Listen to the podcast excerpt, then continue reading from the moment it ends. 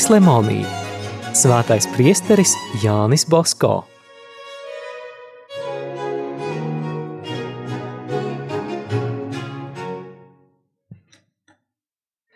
Kā Jānītis dzīvoja Bekos, tāpat viņš dzīvoja arī Moliju saimniecībā. Arī šeit ar dažādām rotaļām viņš piesaistīja sev kaimiņu bērnus.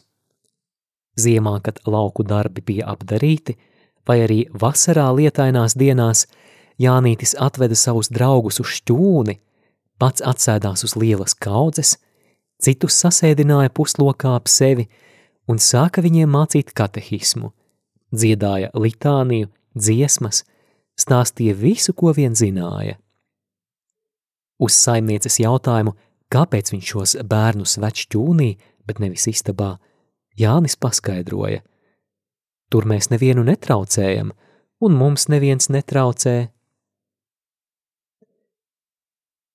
Meitenes savā sapulcēs viņš nepieņēma. Ar tām viņš nekad nedraudzējās. Vēlāk Monkuko baznīcas ciemā Jānim Bosko uzticētā draudzes skola zēla. Tur viņš pēc dievkalpojuma kā vadītājs sapulcināja uz pārunām visus apkārtnes bērnus. Kamēr tur nebija Jāņa, visi jaunieši steidzās no baznīcas laukā, pat mācības nenoklausījušies. Bet, kad parādījās vienkāršais beku ganiņš, pēc summas visi draudzes jaunieši ar Jāni priekšgalā svinīgi gāja krusta ceļu. Prāvests Kotino priecājās un ar asarām acīs pateicās Dievam, ka viņa draudze, kas bija atsalusi, tagad kļuva par paraugu visām apkārtnes draudzēm. Jānis Bosko pavadīja Monkuko visu sveidienu. Tikai vakarā līksmi dziedādami jaunieši atgriezās mājās. Tomēr nevajag domāt, ka šajos kalpošanas gados mūsu Jānis jau bija svēts. Nē, tas bija lielu tikumu sevišķi pazemības tikuma iegūšanas laiks. Viņš pats gan par šo savu dzīves posmu nemēdza runāt, tikai reiz ieteicās, cēlos ar pirmajiem gaļiem un strādāju, pūlējos līdz vakaram. Jā, viņš klusēja, runāja reti. Viņa saimnieki Monkuko prāvests Martīnī, kas šeit sāka kalpot pēc priestera Kotīno, visi apliecināja – ka viņi Jāņa Bosko uzvedībā nekad neredzēja kādus izlēcienus vai pusauģa vecumam parasto muļķību. Lūk, kā viņu raksturoja. Tur dzīvodams Jānis nekad nevienu neapsmēja, neizzoboja, nevienogu ķekara nenoplūca, neatļāvās vaļīgu uzvedību. Viņš uzvedās kā pieaudzis un saprātīgs vīrs, ne tikai reižu reizēm. Pat ļoti bieži Jānis ar savu paraugu mācīja saimniekus. Pusdienas laikā, kad zvanīja baznīcas zvani, neviens šajās mājās neatcerējās lūkšanu kunga eņģelis. Bet Jānis, lai strādāja, ko strādādams, nometās ceļos un lūdzās šo skaisto lūkšanu. Saimnieks sākumā dusmojās par darba kavēšanu, vēlāk arī pats sāka lūgties – Vērodams šo bērnu, arī es nevarēju iet pusdienā, kunga eņģeli nepalūdzies. To liecināja pats Molijas kungs. Reiz saimnieka brālis aizveda Jānīti stādīt vīnogulājus. Viņš pats stādīja, bet zēns pieliecies, to sēja ar lūkiem. Tā viņš piesēja četras rindas un sūdzējās, ka sāp krusti un ceļi. Nekādas vainas puisīt tik ātri nenobīsties, ja negribi, lai vecumā sāpētu mugura, vingrini to, kamēr esi jauns. Noslaucījis asaras Jānītis atkal turpināja savu darbu. Pēc dažām minūtēm viņš acis berzēdams teica: Labi, šie mani piesietie vīnogolāji ilgāk dzīvos un dos labākas ogas, bet tās dos garšīgāku vīnu. Šie vārdi piepildījās. Jānīša piesietie vīnogolāji ik gadu deva divkāršu ražu – un izturēja no 1828. līdz 1890. gadam.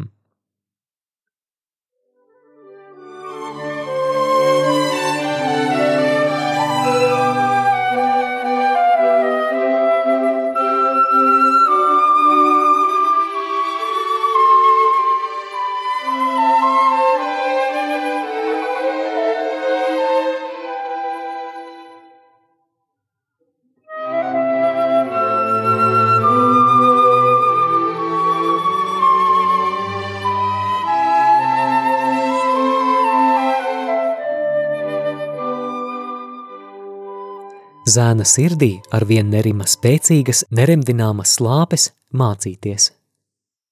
Tā viņš arī mācījās visur, vienmēr, pat ardams. Kādu dienu saimnieks viņam jautāja, kāpēc gan viņš tā pieķēries grāmatām. Tādēļ, ka vēlos kļūt priesteris. Tu priesteris? Vai tu nezini, ka, lai kļūtu par priesteri, vajag vismaz 90 tūkstoši liru? No kurienes tad tu tos ņemsi? Nu, lai, vai nav viena alga, saimnieks tad sacīja pasmaidīdams. Ja nevarēsi kļūt Dons Bosko, tad kļūsi Dons Boks. Bosk piemontiešu izloksnē nozīmē sudrabvītols, bet bok āzis, stūrgalvis vārgulis. Redzēsim, atcirta Jānis. Kaut arī saimnieki neticēja, ka reiz zēna sapnis piepildīsies, tomēr mācīties neliedza. Saimnieks kādu dienu viņam teica: Tu mācies, cik tev tīk, es par to nedusmošos. Jānītis par to priecājās, bet negribēja ar savu mācīšanos saimniekiem apnikt. Otrakārt, kā lai viņš mācās bez skolotāja. Pienāca 1829. gada ziema. Kādu rītu kopdams lopus Jānis ieraudzīja nākam savu mātes brāli, krustēvu Mikolu. Tas devās uz Kierī gada tirgu un pa ceļam iegriezās apciemot savu māsas dēlu. Nu, Jānīt, kā tev sokas? Vidēji. Viss būtu labi, ja tikai ļoti negribētos mācīties. Gadi rit, bet es ar vienu vēl uz vietas. Nebēdā manu zēnu, šoreiz es par tavu izglītību parūpēšos. Ej, pasaki ar dieva savam saimniekam un steidzies mājās. Atgriezies no tirgus, es aiziešu pie jums, tad visu norunāsim. Bet māmiņa mani bārs, atkal izdzīs.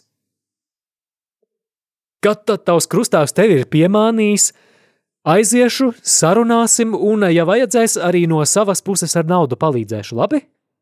Jānis paklausīja. Izdzirduši tādu vēsti, saimnieki brīnījās. Kaut arī nelabprāt, tomēr ļāva zēnam atgriezties mājās, novēlot, lai tiešām visas viņa ilgas piepildītos. Iedams pāri laukiem no Mankuko uz bekiem, Jānis pateicās Dievam, ka beidzot viņš var piepildīt savas ilgas. Dzīves norūdīts un kļuvis ciets kā tērauds, viņš tiešām bija Dieva aicinājuma cienīgs. Aicinājuma vadīts, Zēns svētdienās cīnījās ar klaidoņiem, kas vilināja cilvēkus projām no baznīcas. Aicinājumam sekojot, viņš nebaidījās gana, dārznieka, vīnkopja, puiša darbu – lai pats visu pārdzīvojis, tālākajā nākotnē varētu citiem just līdzi un tos mācīt. Tas bija Dievs, kas laipni visu sagatavoja un viņu veda uz izvēlēto mērķi.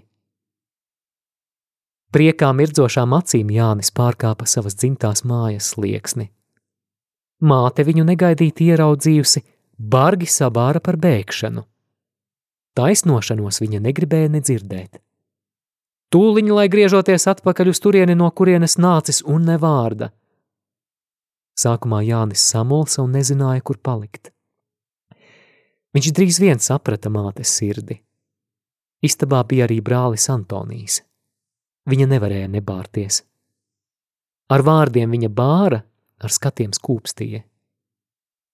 It kā noskumis, zēns pagriezās un atkal izgāja bet gabaliņu pagājis paslēpās krūmos un gaidīja tēvoci atgriežamies no Kierī. Arī Margarita domāja, ka dēls tā darīs. Viņa negribēja dēlu tā bārt, bet viņa arī baidījās aizskart lapsiņu pūzni. Tagad viņa nepacietīgi gaidīja savu brāli. Saviem brāļiem Margarita ļoti uzticējās. Dzīvi bija palikuši divi. Mikolam bija lauku mājas, viņš bija guvis izglītību, nedaudz prata arī latīņu valodu. Otrs, Francisks, bija trūcīgs, bet spējīgs un labsirdīgs cilvēks. Jānītis mīlēja abus. Viņu iejaukšanās Margaritas ģimenes darīšanā tika gaidīta kā ausma pēc tumšas nakts. Tēvocis Mikola nemeloja. Viņš, kā bija solījis, apciemoja savu māsu. Sākās sarunas. Antonijs klusēja. Viņi runāja par to, kas varētu Jāni mācīt. Bija lūgta palīdzība gan vienam, gan otram prāvestam, bet tie visi bija aizņemti ar draudzes darbiem un nevarēja uzņemties zēna skološanu. Vajadzēja atkal doties uz Butiljēro, kur vēl ar vienu Jāni gaidīja labais priesteris Kaloso. Viņš saprata, ka Jānis ir izredzēts garīgam aicinājumam, un baidījās, ka zēns savos apņēmumos nesāktu pagurt vai tos pavisam zaudēt. Tagad, redzēdams Jāni tādu kā agrāk, viņš nopriecājās, paņēma viņu aiz rokas, aizveda uz savu darbistabu un izjautāja par pārdzīvoto. Jānis bija noskumis. Prāvests viņu mierināja. Redzi, Jānīt, ja tu esi nonācis manās rokās, tad negribu, ka tev, man uzticoties, būtu jāviļas. Atstāj neprātīgo brāli un nāc pie manis, dzīvos un reizē arī mācīsies. Dzirdēdami tādas labas vēstis, māte un brālis Jāzeps ļoti priecājās. Antonijs sākumā neko neteica. Vēlāk atkal sāka kurnēt. Labi, ka uzstājās Jāzeps. Viņš apsolījās strādāt gan par sevi, gan par mazo.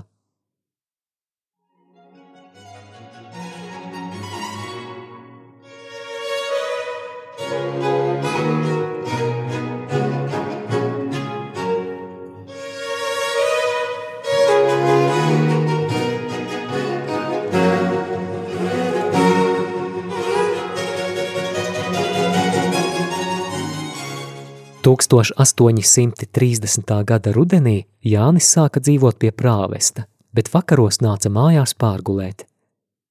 Kad Antonijs viņu atkal aizskāra un dažādi izzoboja, žēlsirdīgais priesteris nolēma Jāni pieņemt pavisam, sagatavot viņu ģimnāzijas nobeigšanai un vēlāk par saviem līdzekļiem sūtīt uz garīgo semināru. Jānim jau bija 15 gadu, Margarita, redzēdama, ka Antonijs jau 26 gadus vecs vīrietis, nekad nebūs pierunājams, bet Jānim tomēr jāmācās, ierosināja sadalīt mantu un katram dzīvot atsevišķi. Tiepša arī to negribēja. Tā pagāja daži mēneši, kamēr viņi vienojās. Pēc mantas dalīšanas Margaritai šķita, ka no sirds novēlies liels smagums – Arī tagad vajadzēja tāpat strādāt un ciest, bet neviens vairs nemocīja viņas sirdi. Sevišķi labi bija Jānim. Viņam pavērās pilnīga brīvība mācīties, radās atļauja un līdzekļi. Tikai drīz nelaime aptumšoja viņa cerības.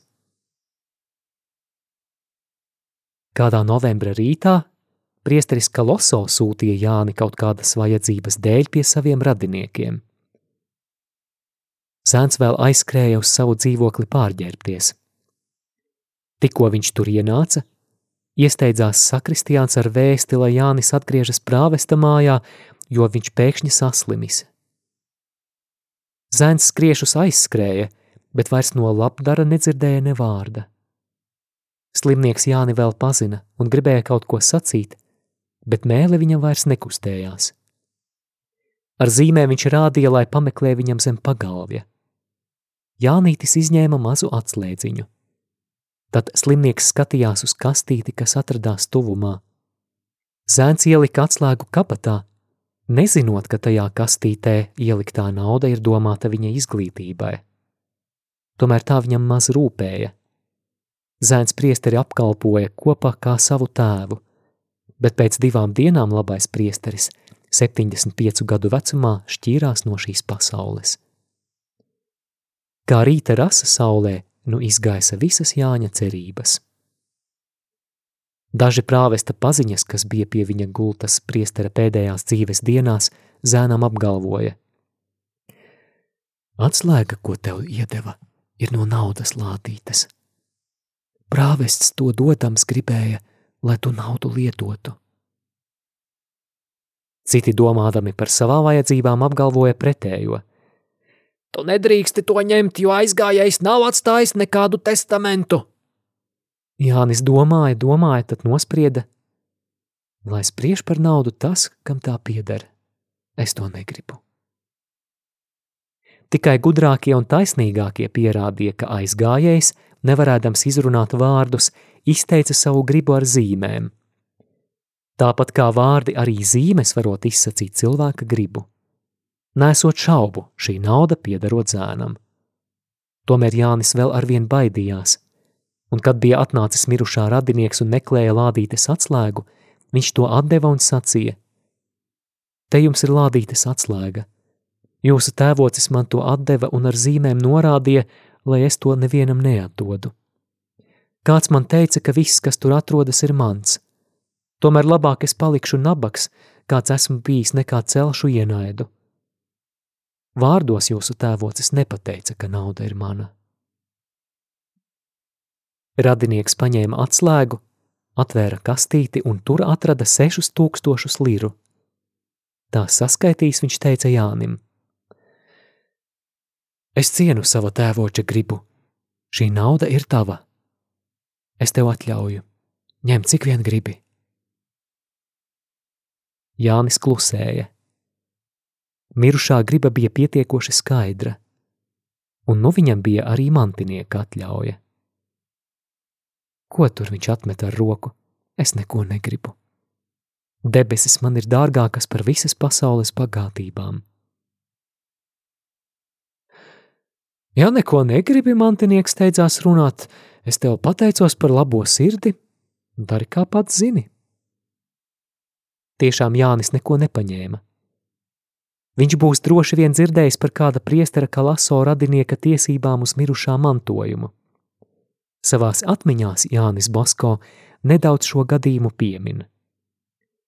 Atnāca priestera Kalaso mantinieki. Es atdevu tiem lādītes atslēgu un visu, ko man mirušais bija devis.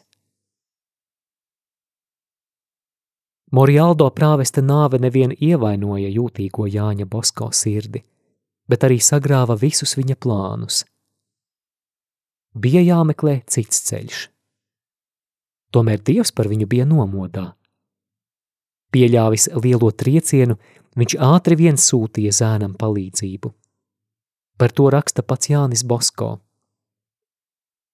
Neilgi pēc priestara Kaloso nāves es redzēju citu sapni. Kāda persona mani sabāra, ka es vairāk paļaujos uz cilvēkiem nekā uz Dievu. Kaut arī nodomi izjuka, labā priestera piemiņa neizzuda no Jāņa sirds. No mazām dienām Bosko pats dārgākais bija pateicības tikums. To liecina viņa paša vārdi. Vienmēr es par viņu lūkšos un neaizmirsīšu, kamēr būšu dzīves. Tagad Jānim atlika vēl viena izēja - mācīties Kastel Novo vidējā mācību iestādē, kas nesen bija atvērta līdzās pamatskolai. Tajā tad viņš arī iestājās tieši pirms Ziemassvētkiem 1830. gadā.